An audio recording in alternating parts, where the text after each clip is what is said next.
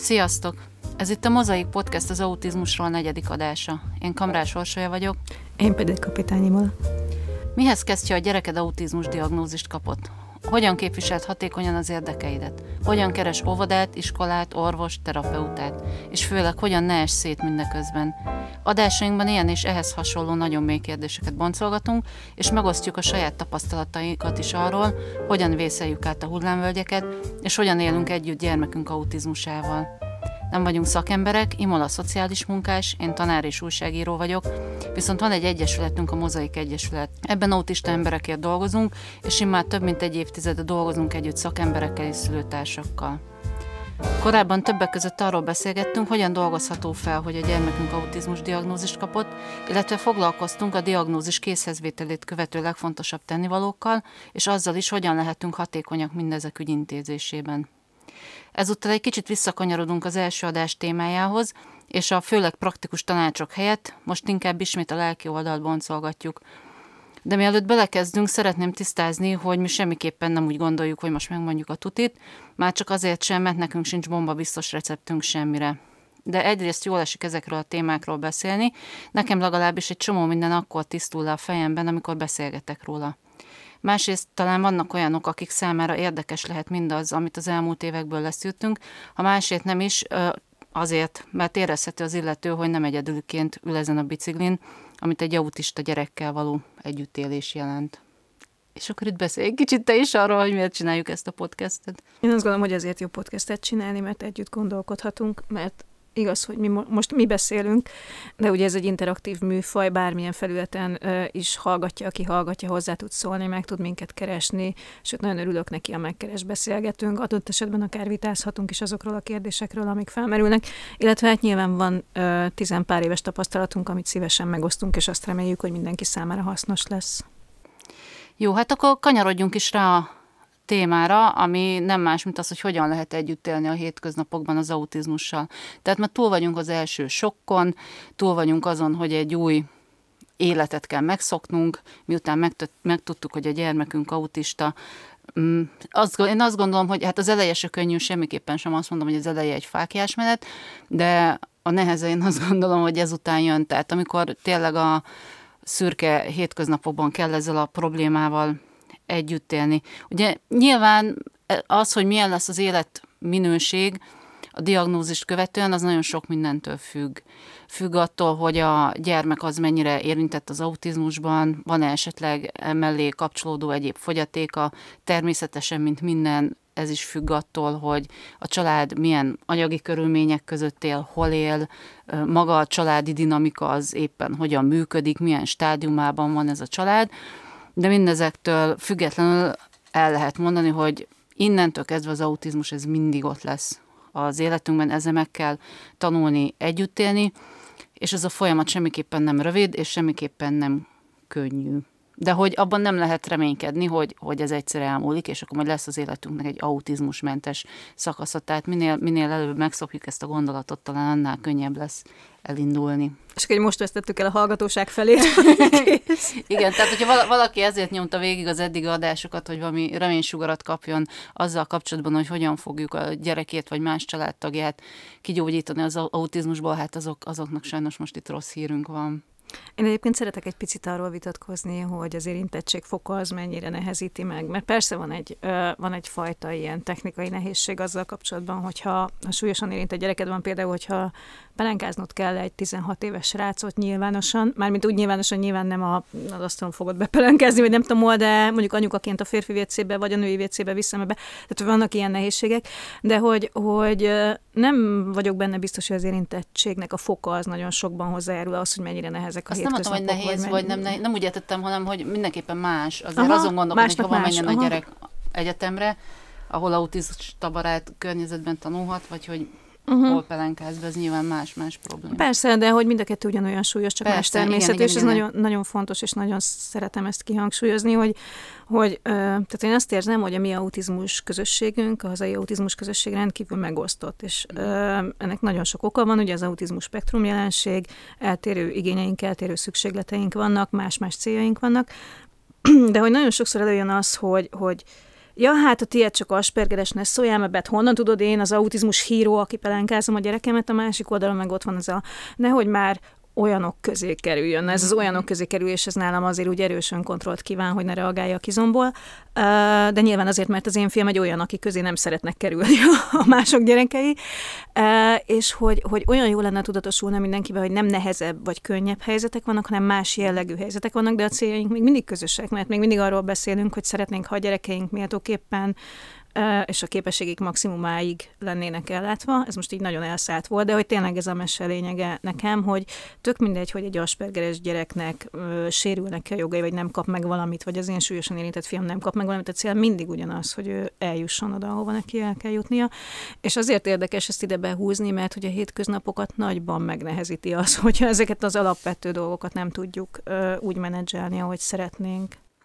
Igen, de egyébként ez egy valós probléma, vagy ez egy gyakori probléma, amivel én viszonylag sűrűn szembesülök, mivel ilyen hát sajtótevékenységet is úgymond folytatok az autizmussal kapcsolatban, ergo szoktam cikkeket írni különböző témákban, és az, az, az egy probléma számomra, hogy legtöbbször, ha a szakirodalmat megnézem, akkor ott azért nagyon sok helyen valóban a jóképességű autisták ö, kerülnek elő, tehát ráguglizok arra, hogy autizmus és felnőttkor, akkor nagyon sok cikket találok azzal kapcsolatban, hogy egy, hogyan keres egyetemet, meg, meg hogyan keres iskolát, és nagyon nehéz valóban azoknak a szülőknek, akik, akiknek hát nem ez a problémájuk, hogy milyen egyetemi környezetbe küldjék a gyereküket, hanem ennél e, ehhez képest más, hogy úgy, tehát sokkal nem is sokkal, mert tényleg nincsen ilyen verseny, hogy kinek nehezebb. Tehát ettől, ettől én is rosszul vagyok ettől a mártíromsági versenyben, de az tény, hogyha azt mondjuk, hogy autizmus, akkor nagyjából ez a két véglet van. Van, a, van az esőember, aki ránézése megmondja, hogy mennyi a fogpiszkáló, a, a másik véglet meg, a, meg az agresszív, aki kontrollálhatatlan és, és borzasztó a közelében lenni, és valóban sokaknak a fejében nem biztos, hogy ez összeér, hogy ez ugyanaz az autizmus. Én itt jegyezném meg, hogy nincsen külön olyan, hogy Asperger szindróma egyébként, tehát ez nem egy diagnosztikai kategória. Ugye Aspergeres ként azokról az autistákról szoktunk beszélni, akik általában magas intelligenciával bírnak és jól kommunikálnak. De ezt mindenképp szeretnénk azt a tévhitet lebontani, hogy az Asperger szindróma az valamiféle enyhébb autizmus, az pont ugyanúgy autizmus, mint a mint az, akik közé nem szeretnénk, hogy a, hogy a, hogy a gyerekünk bekerüljön. Tehát ezt is zárójában szerettem volna letisztázni. Igen, igen, tehát nincs hogy autizmus light. Lehet, hogy kevésbé látványos, vagy akár még egy picit ilyen hát hogy ha nem is vonzó, de hogy ilyen érdekes, vagy a hétköznapi szá- szemlél, szemlélő számára izgalmasabb dolog is lehet, de attól ez még bizony ugyanaz az autizmus, mint azok a nagyon súlyosan, olykor agresszív, vagy olyan sebző esetek, akikkel szintén találkozunk. És egyébként, ha erről beszélünk, nem tudom, mennyi laikus hallgató fog minket majd hallgatni, de azért azt is érdemes tisztába tenni, hogy, hogy az is egy gyakori sztereotípia, hogy jó, a gyerek autista, de cserébe biztos valamiben zseni. Erre neked van a legfrappánsabb válaszod arra, hogy a te gyereked miben zseni. Hát, ugye nem tudom, mert még nem mondta. Szerintem ezt már elmondtuk egyszer egyébként Az nem baj. Adásban. De igen, tehát, hogy vannak ezek a nagyon jó kis sztereotípiák autizmusban, így elragadtam tőled a szót, de hogy ezek, ezek kétélőek, mert egyrészt lehet velük dolgozni, tehát azért sztereotípiák, mert sokan ismerik, és a sokan ismerik, akkor legalább sokaknak van valamilyen, lehet, hogy téves tudása, de tudása az autizmusról, másrészt viszont nyilván a negatívuma az, hogy klisé, tehát minden, minden autista embert, akit a külvilág talál, vagy akivel találkozik ebbe a két végletbe szeretne beszorítani.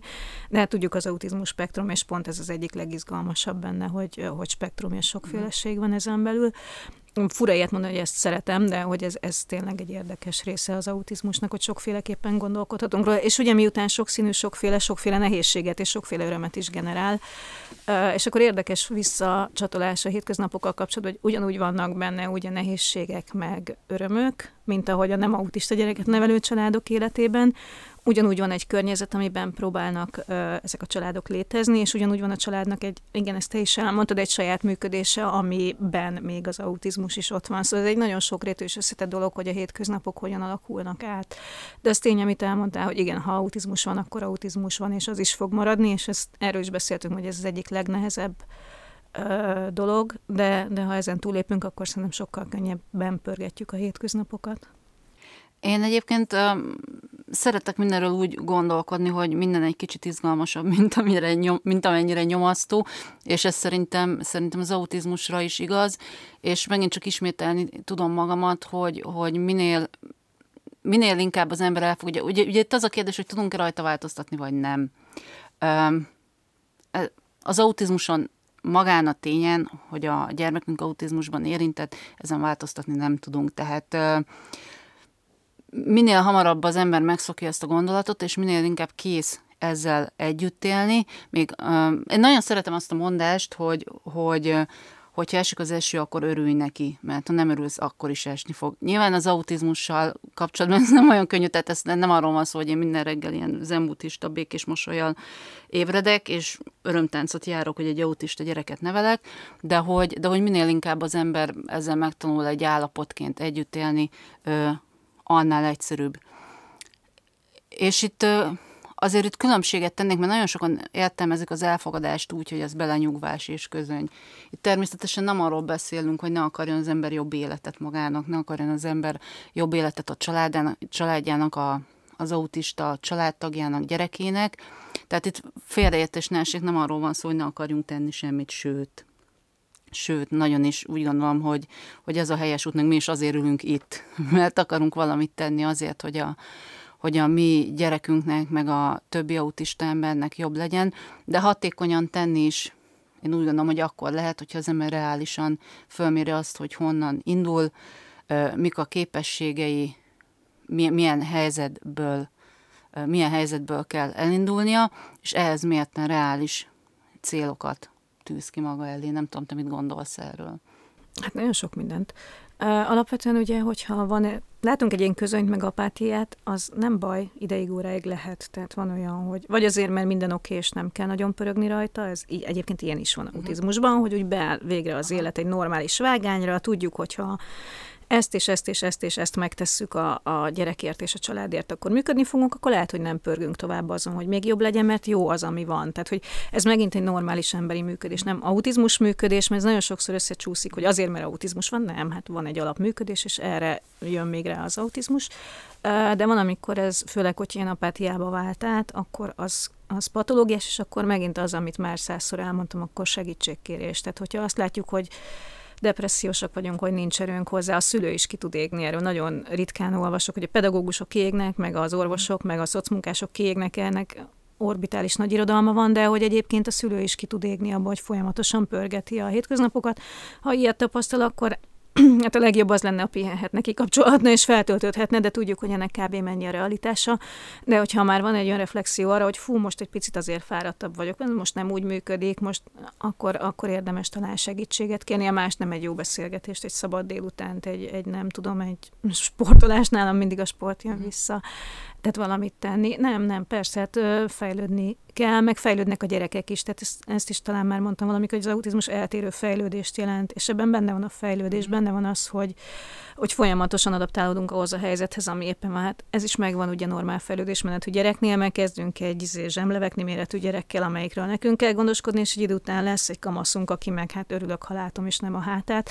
És a normál fejlődésmenetű gyereknél is folyamatosan ugye alkalmazkodunk a helyzethez, és az autisrácoknál is ezt kell, hogy tegyük, mert ők is fejlődnek, hála Istennek, és ők is változnak, és egyre izgalmasabbak és érdekesebbek lesznek. Meg egyébként mi is tanulunk szerintem rengeteget. Tehát a, az nekem egy tapasztalás, hogy én is másképp állok már ehhez az egész szituációhoz, mint ahogy álltam mondjuk, nem tudom, amikor a Peti óvodás volt. Tehát azért most már sokkal strapabíróbb vagyok, meg strapabíróbbak vagyunk. Most már van arra egy tudásom, hogy hát lehet, hogy most vacak a helyzet, mert mhm. visszaesés volt, mert az állapota romlott, de volt már ilyen. Tehát, hogy is mindig fölfele jöttünk belőle lassan, meg volt, amikor nagyon sokáig tartott, fél évig, egy évig, hogy nem találtunk megoldást, de hogy valahogy mindig látszik az, hogy ilyen már volt, és ilyenből már felálltunk. Tehát egy picit talán ö, hozzáedződtünk ahhoz, ahhoz, amiben vagyunk.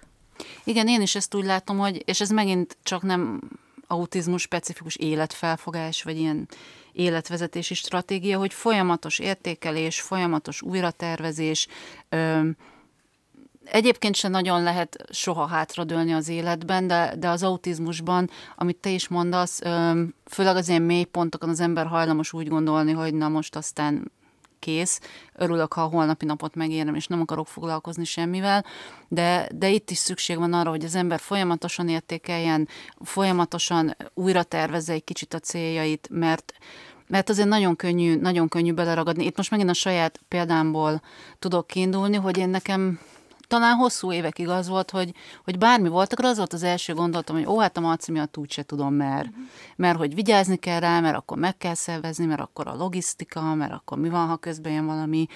Öm, és ö, meg kell tanulni ezt is, ezt is ö, leépíteni. Tehát olyan értelemben együtt élni az autizmussal, nem csak abban az értelemben együtt élni az autizmussal, hogy elfogadni, hogy az van, hanem olyan értelemben együtt élni, hogy, hogy az beépítve a saját életünkbe, azért a saját preferenciáink ö, alapján, amit lehet ö, kihozni ebből a helyzetből.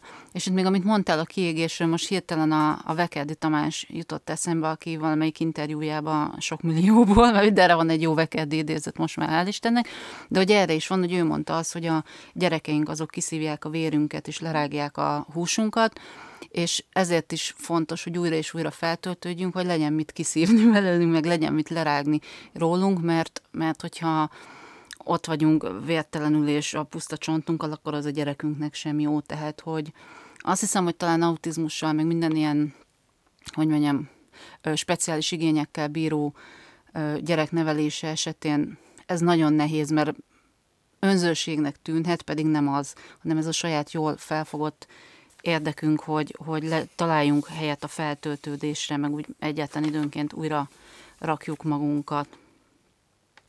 Beszéljünk egy kicsit arról, hogy, hogy jó, jó, oké, elfogadtuk, ez az új valóság, ezzel együtt kell élni, de mégis mi az, amit a szülő megtehet azért, hogy a, hogy a gyerekének jobb legyen, meg az egész családnak jobb legyen. Én azt gondolom, hogy elsősorban gondoskodik a családról, meg magáról. Amikor a Petya diagnózist kapott ugye nagyon régen, akkor nagyon sokat beszélgettem azzal, aki diagnosztizálta, meg fejlesztette, és ő, ő magyarázta el azt, vagy ő mondta egyszer, hogy az is egy terápiás eszköz gyakorlatilag, hogy a mi, mi családunk az családként jól funkcionál. Tehát, hogy uh-huh. autizmusban ugye vannak egyértelműen használatos terápiák, amiket uh, bevezetünk otthon, és pörgetünk, és folyamatosan ugye alkalmazkodunk a gyerek adott uh, állapotához, de hogy, hogy alapvetően, ha a szülők jól vannak, és a család működik, az már egy olyan dolog, amiben tudunk stabilan működni. Ugye csak stabil családban tud működni egy gyerek, tök mindegy, hogy van-e autizmusa, vagy nincsen. Tök mindegy, hogy ez a család egyszülősen stabil, vagy még két nagymama kell hozzá, és stabil legyen. A lényeg az, hogy egy olyan biztonságos, védett közeg legyen a család, ahova ez a, az autizmusban érintett gyerek is szívesen megy haza. Ez nyilván kell az, amit te is mondtad, hogy a szülő ne legyen teljesen kitekerve, hogy mindenki jól legyen abban, ami, az ő dolga. Tehát, hogy nagyon sokat lehet arról beszélni, hogy a családok hogy működnek jól, és nem nagyon különbözik szerintem a, a családi működésnek a jósága, ha van autizmus, vagy ha nincsen. Csak nyilván egy picit macerásabb ezt az egészet lemenedzselni, hogyha még autizmus is van, de ugyanúgy nehéz lenne, ha demens nagypapa lenne, vagy bármi más. Tehát, hogy bármilyen rizikófaktor lép be a családba, az a működés az lehet, hogy egy picit nehezebb lesz, tehát nehezebb lesz rendben, egészben tartani a családot, de hogy ez nagyon fontos. Nagyon fontos, hogy a szülő jól legyen. Van olyan szülő, aki imád szülőképzésekre járni, van olyan, aki rüheli az egészet, és nem szeretne autizmus közegben lenni. Tehát, hogy nincs egyértelműen az, hogy ha te autista gyereket nevelő szülő vagy, akkor mindenképpen járjál szülőképzésekre, mert ha neked nem kell meg, hogyha nem akarod, hogy belüssék az orrodat még a hétvégén is az autizmus, akkor ne járjál, csak legyél jól máshol szerzed meg az információt, ha a gyereket pedagógusával tartasz jó és ilyen produktív kapcsolatot, akkor tök fölösleges. Tehát, hogy ez megint az, hogy önzésnek tűnik, de legyen jól a szülő, és utána kezdhetünk arról beszélni, hogy milyen képeket ragazgasson föl, hova, meg mi mindent épőzárazzon össze, az egy következő lépés.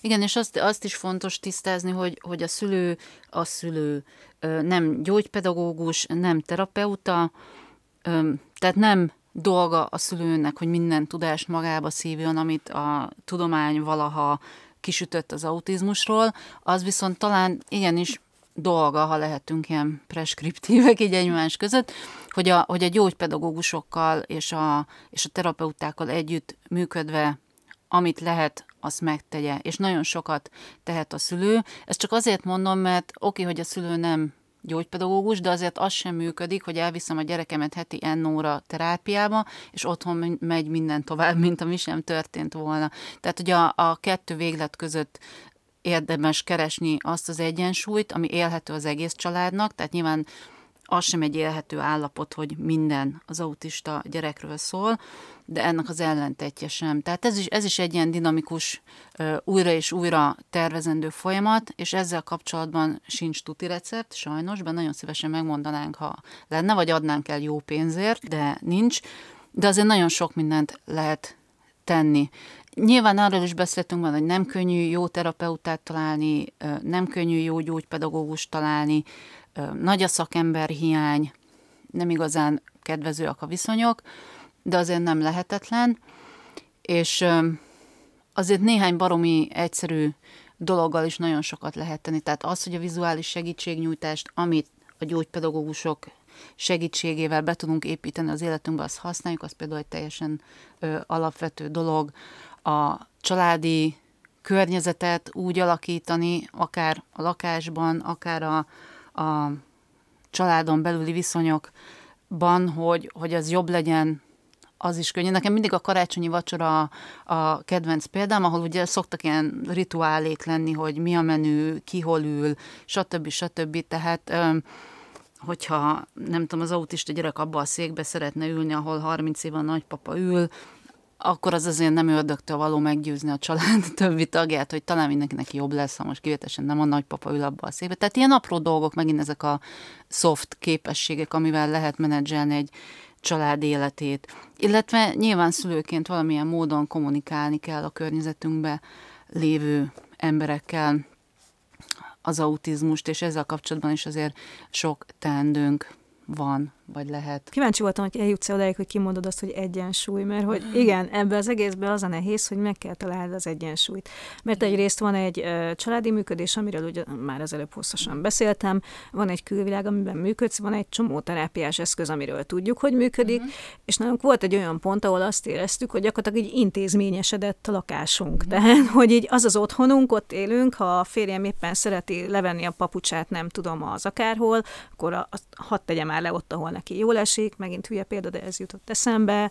Ha mi nem szeretünk órára enni, mert nem szeretünk, mert nem úgy vagyunk összerakva, akkor ne kelljen, és ugye átvette az uralmat az autizmus, minden rendesen, napi rendesen be volt osztva, stb. stb. és hova tovább már majdnem, hogy neki szakadtam a férjemnek, hogy most tegye el a vacsoráját, mert nem most van a vacsora, és akkor egy erősen önreflexíven, ahogy az előbb említettem, rájöttem, hogy hát ez hülyeség. Tehát, hogy ugye annak, hogy mi az intézmény, annak is vannak kritériumai, és gyakorlatilag úgy működött a családunk, mint egy mini intézmény, olyan strikt szabályokkal, olyan napirenddel, olyan, és ez idegen volt tőlünk. Tehát nem az a baj, hogy átvettük az autizmusnak a módszertanát, mert ezzel a világon semmi baj nincsen, csak azt az apróságot felejtettük ki belőle, hogy mi egyébként egy család vagyunk, és nem egy intézmény.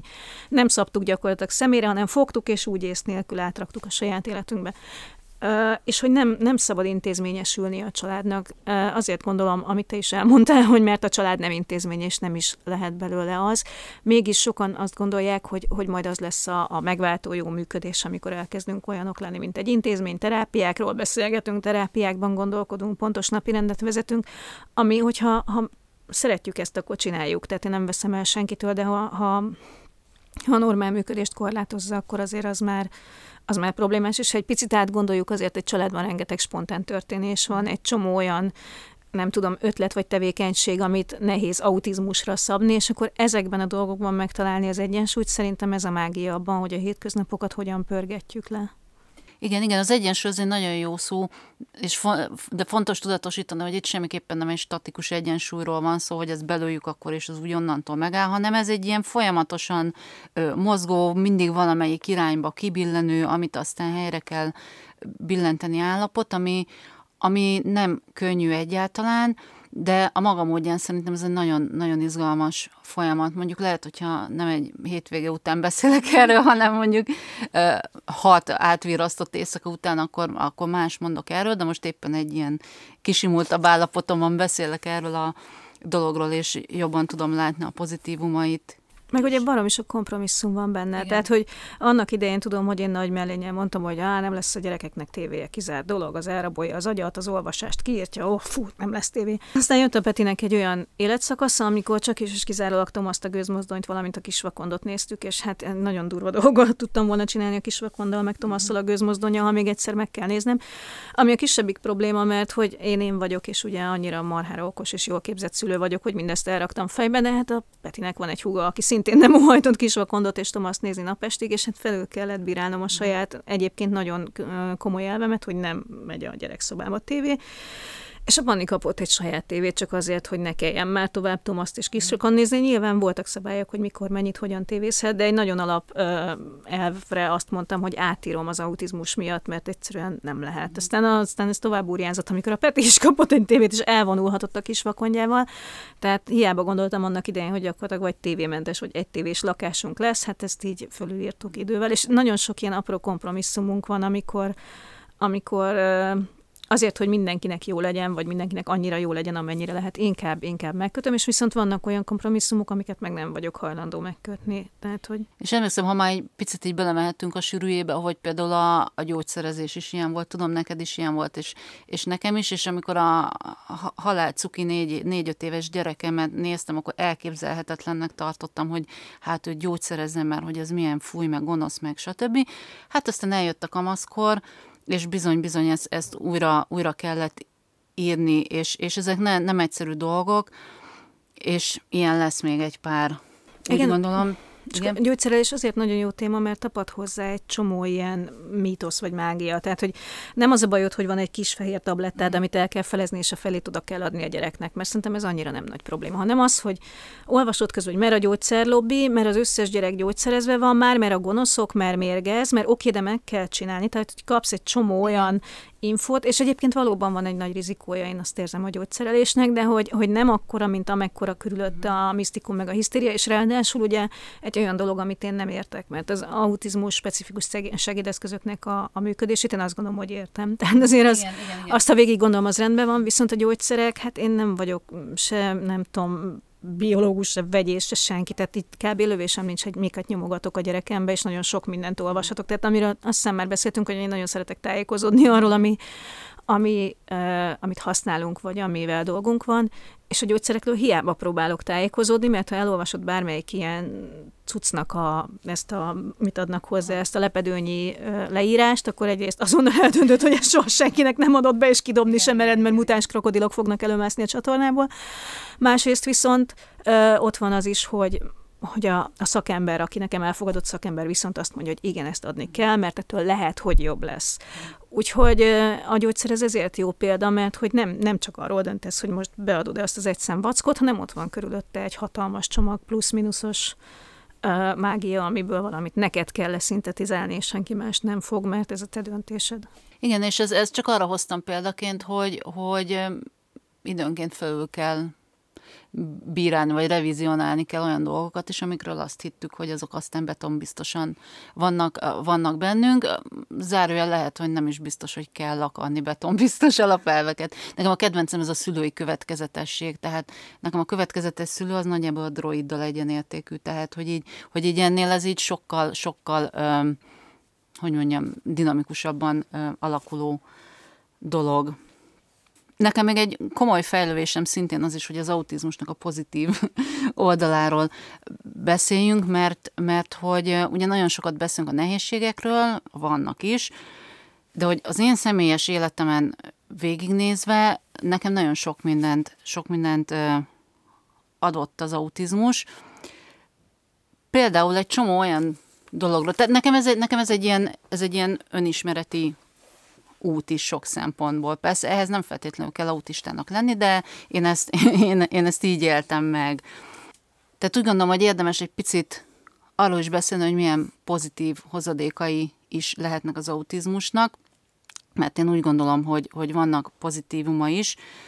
Így például egy csomó olyan dologról, amit az ember evidenciának hisz, vagy valahogy úgy nőtt fel, hogy az van, azokról kiderül, hogy valójában azok nem a saját, nem a saját vágyai, nem a saját értékei, hanem, hanem külső elvárások. És ha viszont van a családban egy autista gyerek, akkor ezek közül baromi gyorsan ki lehet szórni azt, ami, azt, ami nem a saját, és nekem például ez egy ilyen pozitív hozadéka, az még nagyon kemény dolog tud lenni szerintem, amikor tényleg ilyen nagyon belső, öm, hogy mondjam, belső értékeket kell újra rakni. Nekem ez nem is volt könnyű, és én ezzel évekig küzdöttem, én nekem nagyon nagy igényem van az autonómiára, tehát az, hogy, az, az, hogy én magam dönthessek arról, hogy mit, hogyan szeretnék, magamtól dönthessek rosszul, akár ha éppen, éppen úgy adódik, és e, ehhez az én szabadságkedvelő, ilyen nagyon spontaneitás, mániás énemhez bejött ez, hogy most aztán ilyen nagyon szervezetten csinálni az életet.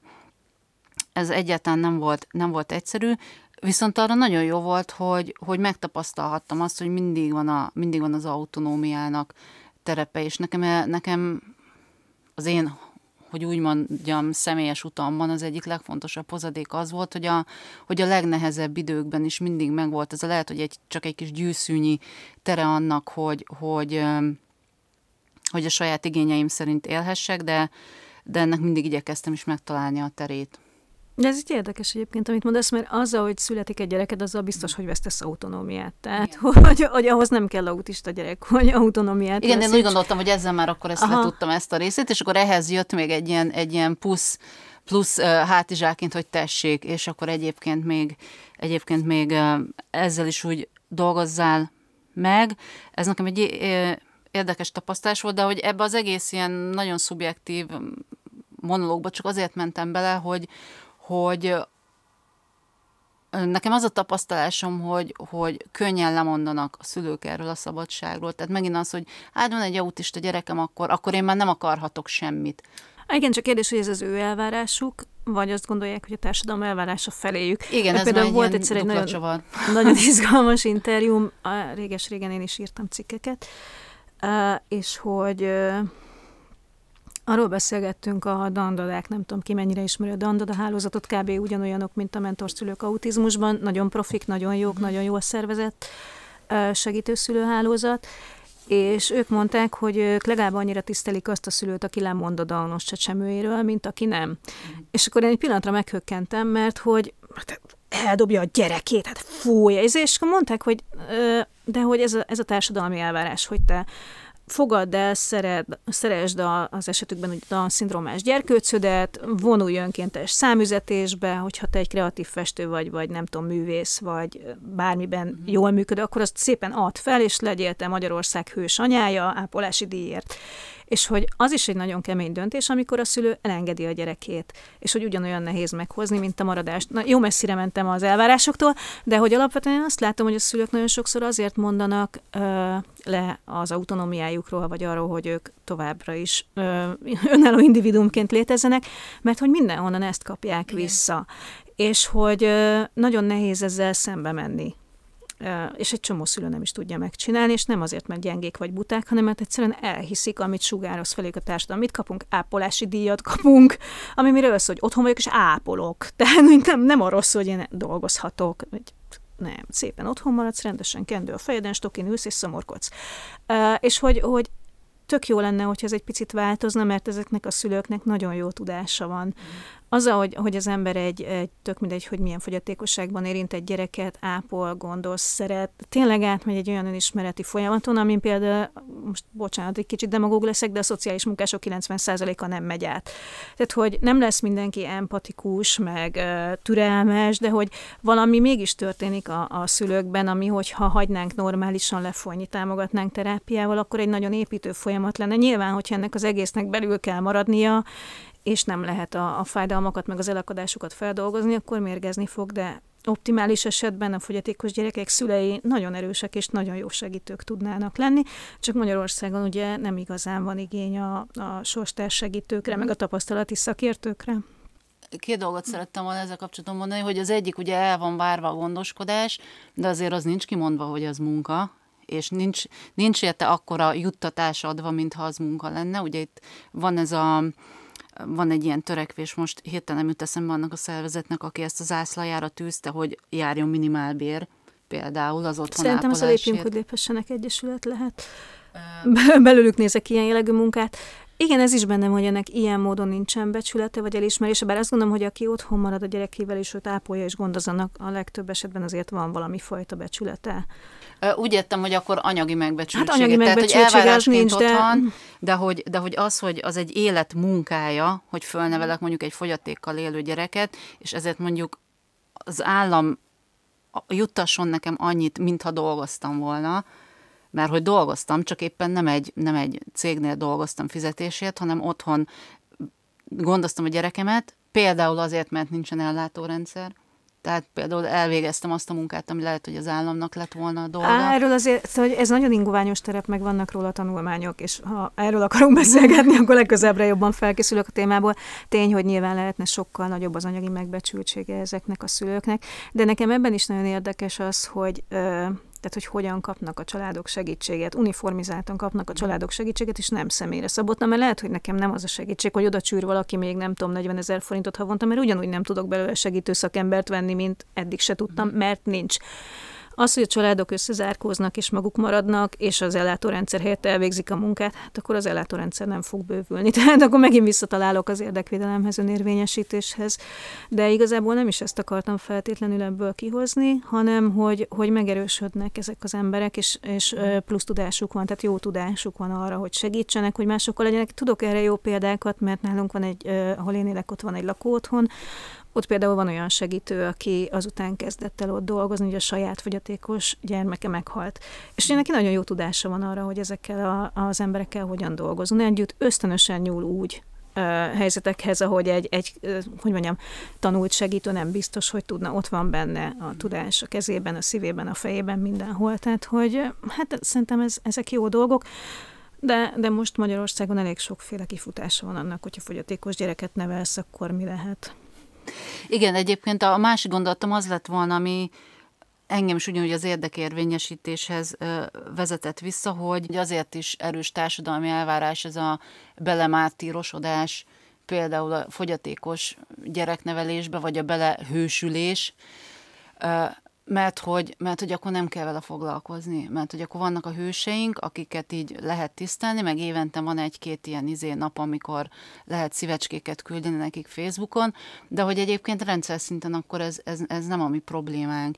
És hogy én ezért nem is szeretem ezt a, ezt a, ezt a hős, hős kifejezést egyáltalán a, szülőséggel kapcsolatban, mert hogy ez pont az ellen dolgozik, hogy, hogy ezek az emberek, ezek a családok, ezek ugyanúgy a társadalom társadalom részei legyenek. És akkor vagy egy, megint egy klasszikus idézettel éljek, egy a, ugye ez a Karib-tenger, a Sparrow, Sparrow kapitán, hogy nem a probléma a probléma, hanem a hozzáállás a problémához a probléma. Tehát, hogy nem az a probléma, hogy, hogy önmagában, hogy vannak autista emberek, hanem az a probléma, hogy egy olyan, olyan társadalomban vannak az autizmussal élő emberek és a családjaik, amelyik nem tud mit kezdeni az autizmussal, tehát nem tudja a társadalomba integrálni ezeket az embereket, legalábbis Magyarországon még. Nem tudom, hogy ezt nagyon radikálisan látom-e, de hogy, de hogy vagy ez a hős, hős dolog van, vagy ez a buksi simogatás, de az, hogy ezek az emberek valamilyen módon beleintegrálódjanak a társadalomba, azt én igényként nem nagyon látom, de lehet, hogy rossz felé nézek. Nem tudom, mert aki sikeresen integrálódott, ha így fogalmazok, meg ő nem látszik. De hogy az Tehát, normális, hogy, hogy, hogy nem látszik, szerintem. mert ő működik rendesen, és Igen. akkor nem jelenik meg semmilyen igényel. Jó messzire mentünk a pozitív hozadékoktól, azt hiszem, mert már nem a pozitívumoknál tartunk, hanem valami fajta szakpolitikai diskurzust folytatunk. De hogy, hogy ugye, hogyha egy, mit tudom én, én visszamentem volna a saját szakmámba dolgozni, egy könyvkiadóba, akkor én nagy valószínűséggel a könyvkiadóban lennék, mint alkalmazott, és sehol nem lenne nyilvánvaló, hogy, hogy nekem fogyatékos gyerekem van, mert nem jelenne meg a évi két napot szabadságomba jelenne meg, meg az emelt családi pótlékomba, de hogyha be tudok illeszkedni, akkor nincs probléma, tehát akkor nem látszik. Nem tudom, megint mennyire vagyok érthető vagy követhető. Az szokott mindig látszani, amivel gond van. Tehát, ha én nagyot álmodom, akkor én egy olyan világot látok, ahol nekem nem látszik, hogy autista gyerekem van, mert a rendszer úgy van kidolgozva, hogy, hogy automatikusan azt a segítséget kapja meg, amire szüksége van. És ez nagyon szép lenne, meg nagyon jó lenne, hát nem tudom, mikor lesz. Én de persze, tudom, hogy ez a lenne. science fiction területe, ahova eveztünk, de hogy, de hogy ez, ez onnan jött az én fejembe, hogy szerintem a családban is vagy a család is akkor funkcionál jól, vagy akkor beszélhetünk egy kiegyensúlyozott családról, ahol az, hogy valaki autista, az egy adottság. Tehát nem egy, nem egy, izé, nem egy, nem egy tüske a szívbe, meg egy cipelendő kereszt, hanem az egy, hanem az egy adottság. Nyilván más következményekkel jár, mint az, hogy valakinek kék a szeme, vagy göndör a haja, az, hogy autista, de hogy, de hogy ennek én úgy gondolom, hogy nem szabadna ennek ilyen, ilyen tehernek lenni, de hát ettől még nagyon messze vagyunk. Igen, csak nekem ebben pont az az érdekes, hogy mit csinálunk ezzel az egésszel, hogy most van, mert most így elmondtuk, hogy hát mi lenne jó, meg elmondjuk, hogy szerintünk most mi van, de hogy tehát, a tüskét a szívbe az, az két komponensű, ezt egyrészt mi csináljuk magunknak, másrészt meg a külvilág csinálja nekünk. Na most, ha elég nagy egónk van, akkor le tudjuk tolni, hogy mit gondol a külvilág, és a saját tüskénket se nagy, biztos, hogy nagyon akarjuk dédelgetni, és inkább élünk boldogan. Persze marha nehéz, meg kellenek hozzá szociális kapcsolatok, meg ellátórendszer, de nekem ebben mindig az az érdekes, hogy, hogy oké, akkor mit tudunk ezzel most csinálni, és ugye ha a szülőkkel beszélgetek erről, akkor mindig az a vége, hogy keressük egymást, keressük a segítségeket, dolgozzunk össze. Autizmusban nem nagyon szokott szokott működni az, hogy osszuk meg a terheket, mert hogy másfajta fogyatékosságnál, ahol nem kell ennyire ismerni a srácokat, akár az is előfordulhat, hogy egymás gyerekére vigyázunk Aha. körmérkőzéses rendszerben, de hogy, hogy valami fajta tevékenységet lenne jó látni, mert lehet, hogy én egy ilyen ufó vagyok, hogy bennem ott van a tenni akarás még tíz év után is, de hogy nem szeretnék én se abba a helyzetbe kerülni egyesületi elnökként, meg relatíve aktív szülőként, hogy ülök és nyavajgok, hogy mi minden nincs, mert attól nem lesz az egy picit nehezebb, hogy, hogy, hogy mitől lesz, de ez ez a saját körömben, hogyha én megcsinálom azt, amit meg tudok csinálni, és a saját körödben te is, és mindenki más is, akkor lehet, hogy egy picit szebb lesz a világ, és persze van szakpolitika, ami hát most szerintem nem témája ennek a beszélgetésnek, hogy minősítsük vagy elemezzük, de hogy ott vannak az emberi kapcsolataink, amik nagyon izgalmasan tudnak alakulni, mert ugye egyfajta szűrő az is, amikor a család diagnózist kap, egyfajta szűrő az is, amikor segítségekre van szükség, és a végén kialakul egy, egy, egy picit másfajta háló, és ha van háló, kapcsolati háló, meg családbarátok, akkor azért lehet ebből egy picit tovább épülni, meg dolgozni, és akkor a mi saját kis ahutizmus világunk legalább egészséges lesz valamennyire. Persze ott vannak a rossz gondolatok, ha mi lesz vele, ha nagy lesz, meg mi lesz, ha már én nem leszek, meg blabla, ezek a nagyon ö, fájdalmas és nehéz gondolatok, de autizmusban én azt is megtanultam, hogy én mit tanultam, hogy nem szabad túlságosan előre gondolkodni.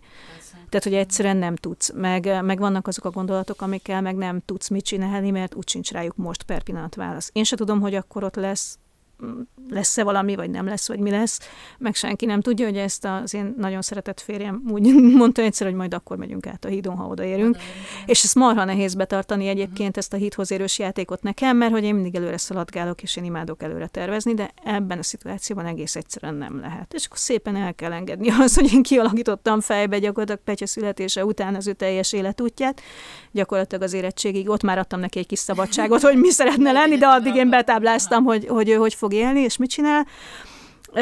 Nehéz ezeket a tényleg ilyen nagyon mély alapvetéseket átírni, de át lehet, és lehet, hogy egy picit könnyebb lesz tőle az élet.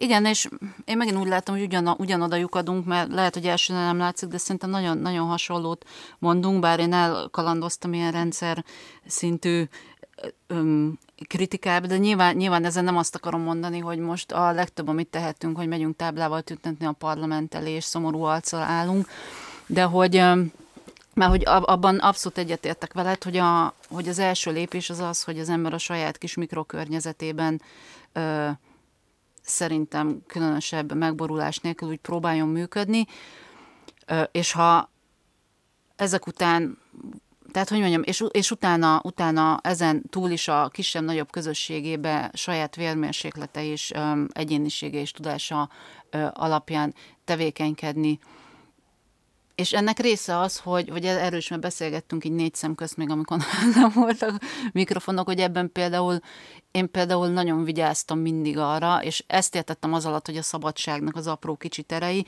hogy én mindig, mindig úgy intéztem az életemet, hogy legyen egy olyan szelet, ami, amiben semmi autizmus nincsen. Tehát lehet, hogy ez időben mérve minimális, és ez is időnként változik. Volt, amikor például többet tudtam sportolni, és akkor elmentem ájkidózni, és ott tökre senkit nem. Nyilván, ha előkerült, akkor, akkor a szóba került, hogy van egy autista gyerekem, de hogy ott nem az volt az én funkcióm, hogy, hogy, hogy én voltam az autista gyereket nevelő anyuka, hanem, hanem egy sportoló voltam, aki, aki ott el volt a többiekkel, vagy, vagy akármi lehet, de hogy, de hogy bennem Például ez nagyon-nagyon erős igény a mai napig.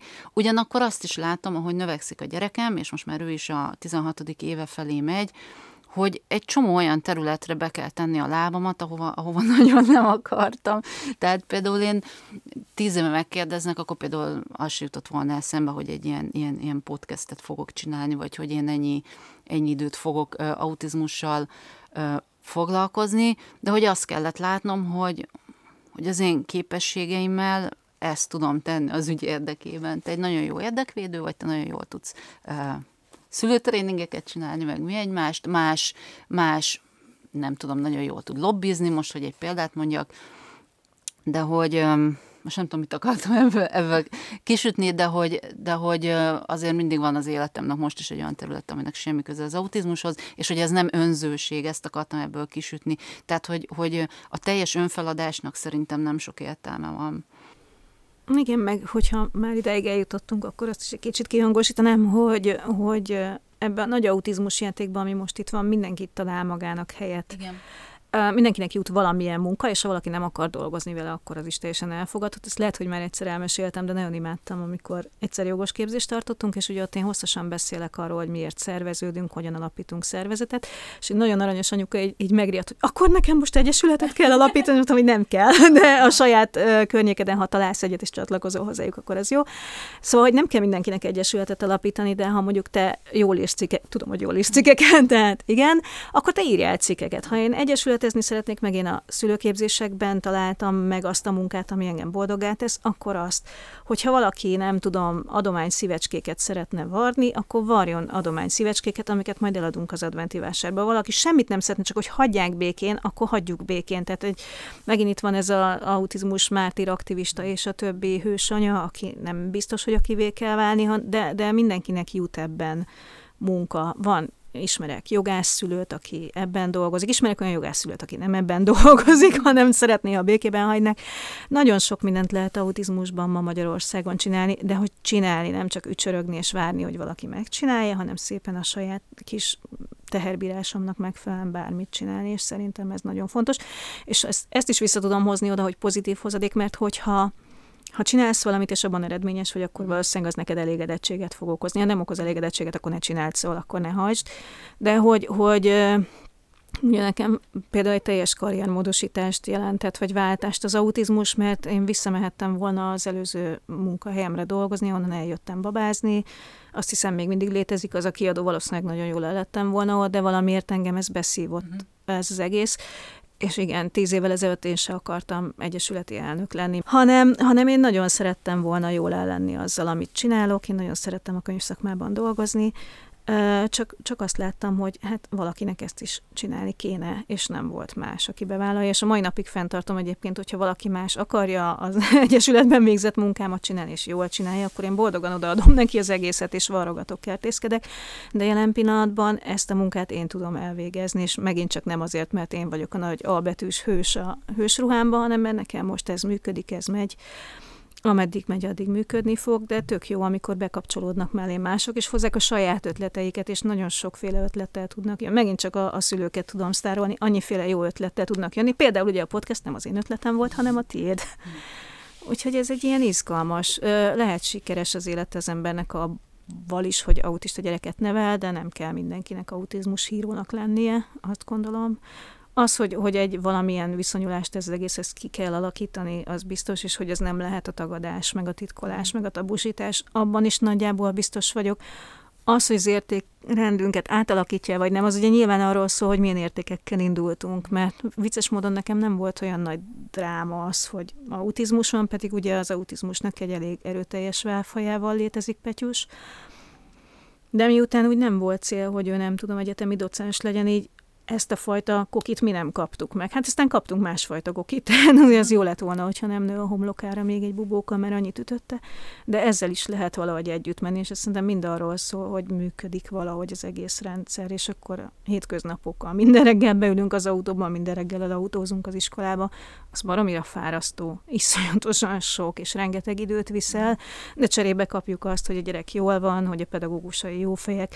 Ezt csak azért mondom el, mert, mert a ugye, hétköznapokról beszélgetünk most, és azok ilyen darálósak, tehát, hogy persze autizmus napon kék lufival mindenki nagyon boldog, de aztán jön 364 nem autizmus nap, amikor ezt csinálni kell, és ha meg tudjuk ebben találni azokat az örömöket, amik ott vannak, tehát, hogy nagyon kevés olyan helyzet van, amiben egy pici örömöt nem, nem sikerül lelni, akkor szerintem könnyebben pörkedhetők a hétköznapok, de ehhez kell ugye egy csomó minden, hogy kompetensnek érezd magad, hogy azt érezd, hogy te irányítod az életedet, és nem más, és nem az autizmus vitt el az egészet, hogy ne azon törd a fejed, hogy mi lett volna, ha, ami egyébként szerintem mindenkinek ott van a fejében, én úgy hívom, hogy a másik film, amikor így lejátszunk, hogy mi lenne, ha a Peti nem ilyen Peti lenne, ami lehet terápiás is egyébként, de lehet romboló is, hogyha nagyon ráfeszülünk erre a, a másik filmre. Meg, meg igen, szerintem mindenkinek kell egy pici a, a mentes idő, amikor, amikor saját maga lehet, de, de ismerek olyan szülőt, akinek egyébként nincs autista gyereke, normál feledésmenetű gyereke van, és teljesen boldog abban, hogy ő anyuka. Uh-huh. És süt, és főz, és vasal, és szerintem én megbolondulnék két hét után, hogyha csak, csak ennyi lenne. És nem azért, mert nem tisztelem ezt az anyukát az ő anyukasságában, mert sose tudnék annyira profi anyuka lenni, mint ő, de hogy nekem egyszerűen másra van igényem, meg egyébként miután én nem vagyok olyan ügyes a sütfőz takarít háromszögben, ezért valószínűleg nem is jutalmaz engem annyira ez a tevékenység, mint uh-huh. őt.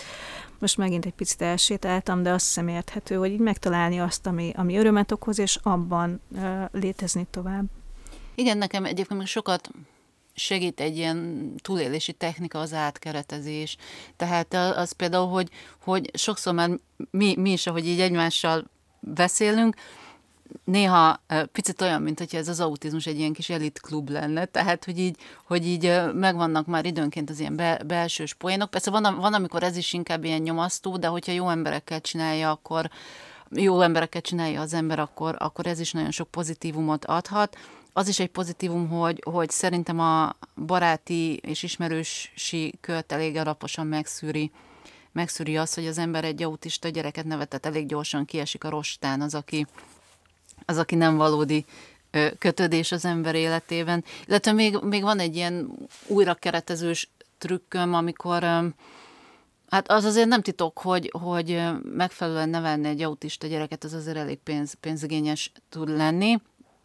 És amikor éppen azon elszontyolodom így szingli anyukaként, hogy hát egy picit, picit nehéz erre a, forrásokat előteremteni, vagy nem annyira jó érzés ennyi pénz, hogy, hogy ilyen sokba kerül az, hogy a, az, hogy a gyerekem például megfelelő iskolába járjon, akkor mindig azt az elmetrükköt alkalmazom, hogy hát más hegedülni tanul, meg pónilovagol, az én gyerekem meg neki megfelelő iskolába jár, és akkor azt szoktam mondani, hogy ez az én luxusom.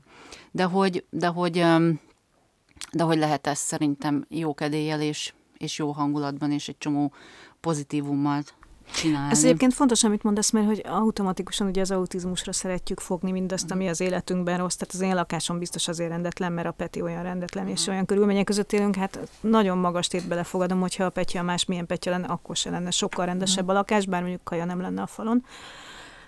Szóval, hogy nem mindenről az autizmus. Tehát és azért rángatom el mindig a fókuszt az autizmusra így kényszeresen, mert hogy van egy csomó folyamat, ami az autizmustól függetlenül zajlódik le, és igen, ez is ilyen, hogy hogy nem mindennek az autizmus az oka, és ez is lehet könnyebb. Tehát, hogy egy picit leveszed a fókuszt, és nem mindent az autizmuson keresztül nézel, pedig általában azt kérjük, hogy mindenki vegye fel az autizmus szemüveget, akkor rájöhetsz, hogy nem biztos, hogy az autizmus az egyetlen megoldás. Tehát, hogy tudsz tenni az autizmuson kívül mással is azért, hogy jobb legyen az élet, és az egyébként az autista gyerekednek is jobb lesz, hogyha ha egy picit jobban működsz. Persze van egy csomó dolog, ami tényleg az autizmustól nehéz, de hát ez van, ez dobta a gép, hogy én is hozzak neked egy Facebook falvédő szöveget, ez a tudod az elfogadásról esik, de jó lenne, ha nem esne, úristen, vizes ezt a másik oldalon meg esik, és aláírva esik. Szóval, hogy így kb, kb. igen, az autizmus az adott de hogy mit csinálunk vele, abban azért elég sok uh, játékterünk van, nekünk kettőnknek, de hogy azért uh, valamiért nekem mindig ott van a fejemben, hogy nem mindenki olyan szerencsés, mint mi, és ilyenkor mindig olyan jó lenne tudni, hogy a, a kevésbé szerencsés emberekre is figyel valaki. Tehát vagy, vagy az aktívabb szülők, ugye megint a szerveződés, tudom már mindenkinek a könyökén jön ki az egymásra odafigyelés, de hogy vagy, a, vagy az ő környezetük, a szomszédok, a barátok, ha vannak. Tehát, hogy oké, okay, mi mázlisták vagyunk, meg olyan, mint egy elit klub, meg én képzéseket csinálok, de hogy egy csomó szülő ennél sokkal, sokkal nehezebb helyzetben van, és azért lehet, hogy nekik nehezebb megtalálni azokat a dolgokat, amiknek örülhetnek, de hogy ez is érdekes, mert volt olyan anyukám, aki hát tényleg minden szempontból nehéz helyzetben volt, és mégis meg tudta találni ebben az egészben azt, ami neki szép. Úgyhogy valahogy ez azért arról is szól, hogy a személyisége az embernek milyen. Én nem vagyok se pszichológus, se pszichiáter, tehát ilyen mélységig ezt nem látom, csak érzem, hogy valahogy ebben is a, benne van az, hogy mi kik vagyunk, hogy mennyire hajlunk arra alapból, hogy megtaláljuk a jót, hogy mit tanultunk otthon, mert persze át tud alakítani, meg meg tud dolgozni az autizmus, meg, a, meg főleg a hétköznapi daráló, de hogy ha van hajlamunk arra, hogy hogy meglássuk a szépet, a jót, ha szakszó, ha elég reziliensek vagyunk, akkor, akkor valószínűleg működni fog. Ha eleve szomorkásak voltunk, eleve hajlamosak vagyunk arra, hogy megdőljünk, akkor, akkor sokkal nehezebb lesz ebben a szépet látni. És megint századszor is elmondom, hogy nem kell egyedül csinálni, Igen. tehát hogyha ha, ha valaki tényleg azt érzi, hogy ez most sok és nehéz, mert egyébként szerintem a hétköznapok megint csak nem kell hozzá autizmus. Én is érzem most ugye novemberben, hogy így szürke a világ, most úgy azért nem olyan szép akkor, akkor lehet segítséget kérni, és a segítség az lehet egy pohár jó a dumálás, ilyesmi. Tehát valamit lehet kezdeni azzal, hogy ne legyen olyan nehéz az élet, aztán, hogy kinek milyen lehetősége van. Te is említetted, hogy ugye nem csak a fővárosban, meg az agglomerációban élnek családok, hanem nagyon elszigetelten, elszeparáltan. Szerintem az internetet akár ilyesmire is lehet használni. Akár, igen. Lehetne főleg most, hogy ugye mindenki mindent streamel és online csinál, kapcsolatokat építeni, keresni. Én már vezényeltem le online szülőklubot, hát szerintem a három őszhajszállam az van. Úgyhogy igen, keresni egymást és együtt dolgozni, attól szerintem egy picit mindig könnyebb. Igen, és megint, megint akkor hangsúlyoznám, hogy, hogy csak félig csináljuk ezt a podcastet azért, mert annyira szeretjük hallani a hangunkat, és nagyon szívesen beszélgetünk egymással elég sokáig is akár az autizmusról, de a fő célja azért mégiscsak az, hogy, hogy, hogy elérjük azokat, akiknek a közelében esetleg nincs segítség, hogy információt adjunk azoknak, akik ennek szűkében vannak, és biztatunk is mindenkit innen, hogyha tud olyan emberről, akinek hasznos lehet az, amit itt hall, vagy csak szembe jön vele, ami podcastünk, akkor, akkor segítsen eljutni azokhoz az emberekhez, akik igazán tudnak ebből profitálni, és hát ez a, ez a mi missziónk, amit ugyan örömmel teljesítünk, és jól érezzük magunkat, miközben ezt csináljuk, de azért mégiscsak egy, mégiscsak egy feladat, és a fő cél az, hogy hasznára legyünk az embereknek. Ez volt a Mozaik Podcast az autizmusról negyedik adása. Az említett források linkjét és egyéb információkat megtaláljátok a leírásban. Ha kérdésetek, hozzáfűzni valótok van, írjatok üzenetet a Mozaik Egyesület Facebook oldalára, kommenteljetek az adás linkje alá, vagy írjatok e-mailt a mozaik1kukac gmail.com címre. A Mozaik Podcast az autizmusról az Emberi Erőforrások Minisztériuma és a Nemzeti Fogyatékosságügyi és Szociálpolitikai Központ közhaszú nonprofit Kft. támogatásával valósul meg a Szülő 2020 pályázat keretében. Köszönjük a helyszínt a Kocka Csokinak! A következő adás témája az önszerveződés és a közösségi érde- érdekérvényesítés lesz. Hallgassatok minket továbbra is, és ne felejtjétek, az autizmus nem csak egy diagnózis, hanem egy életre szóló kaland is.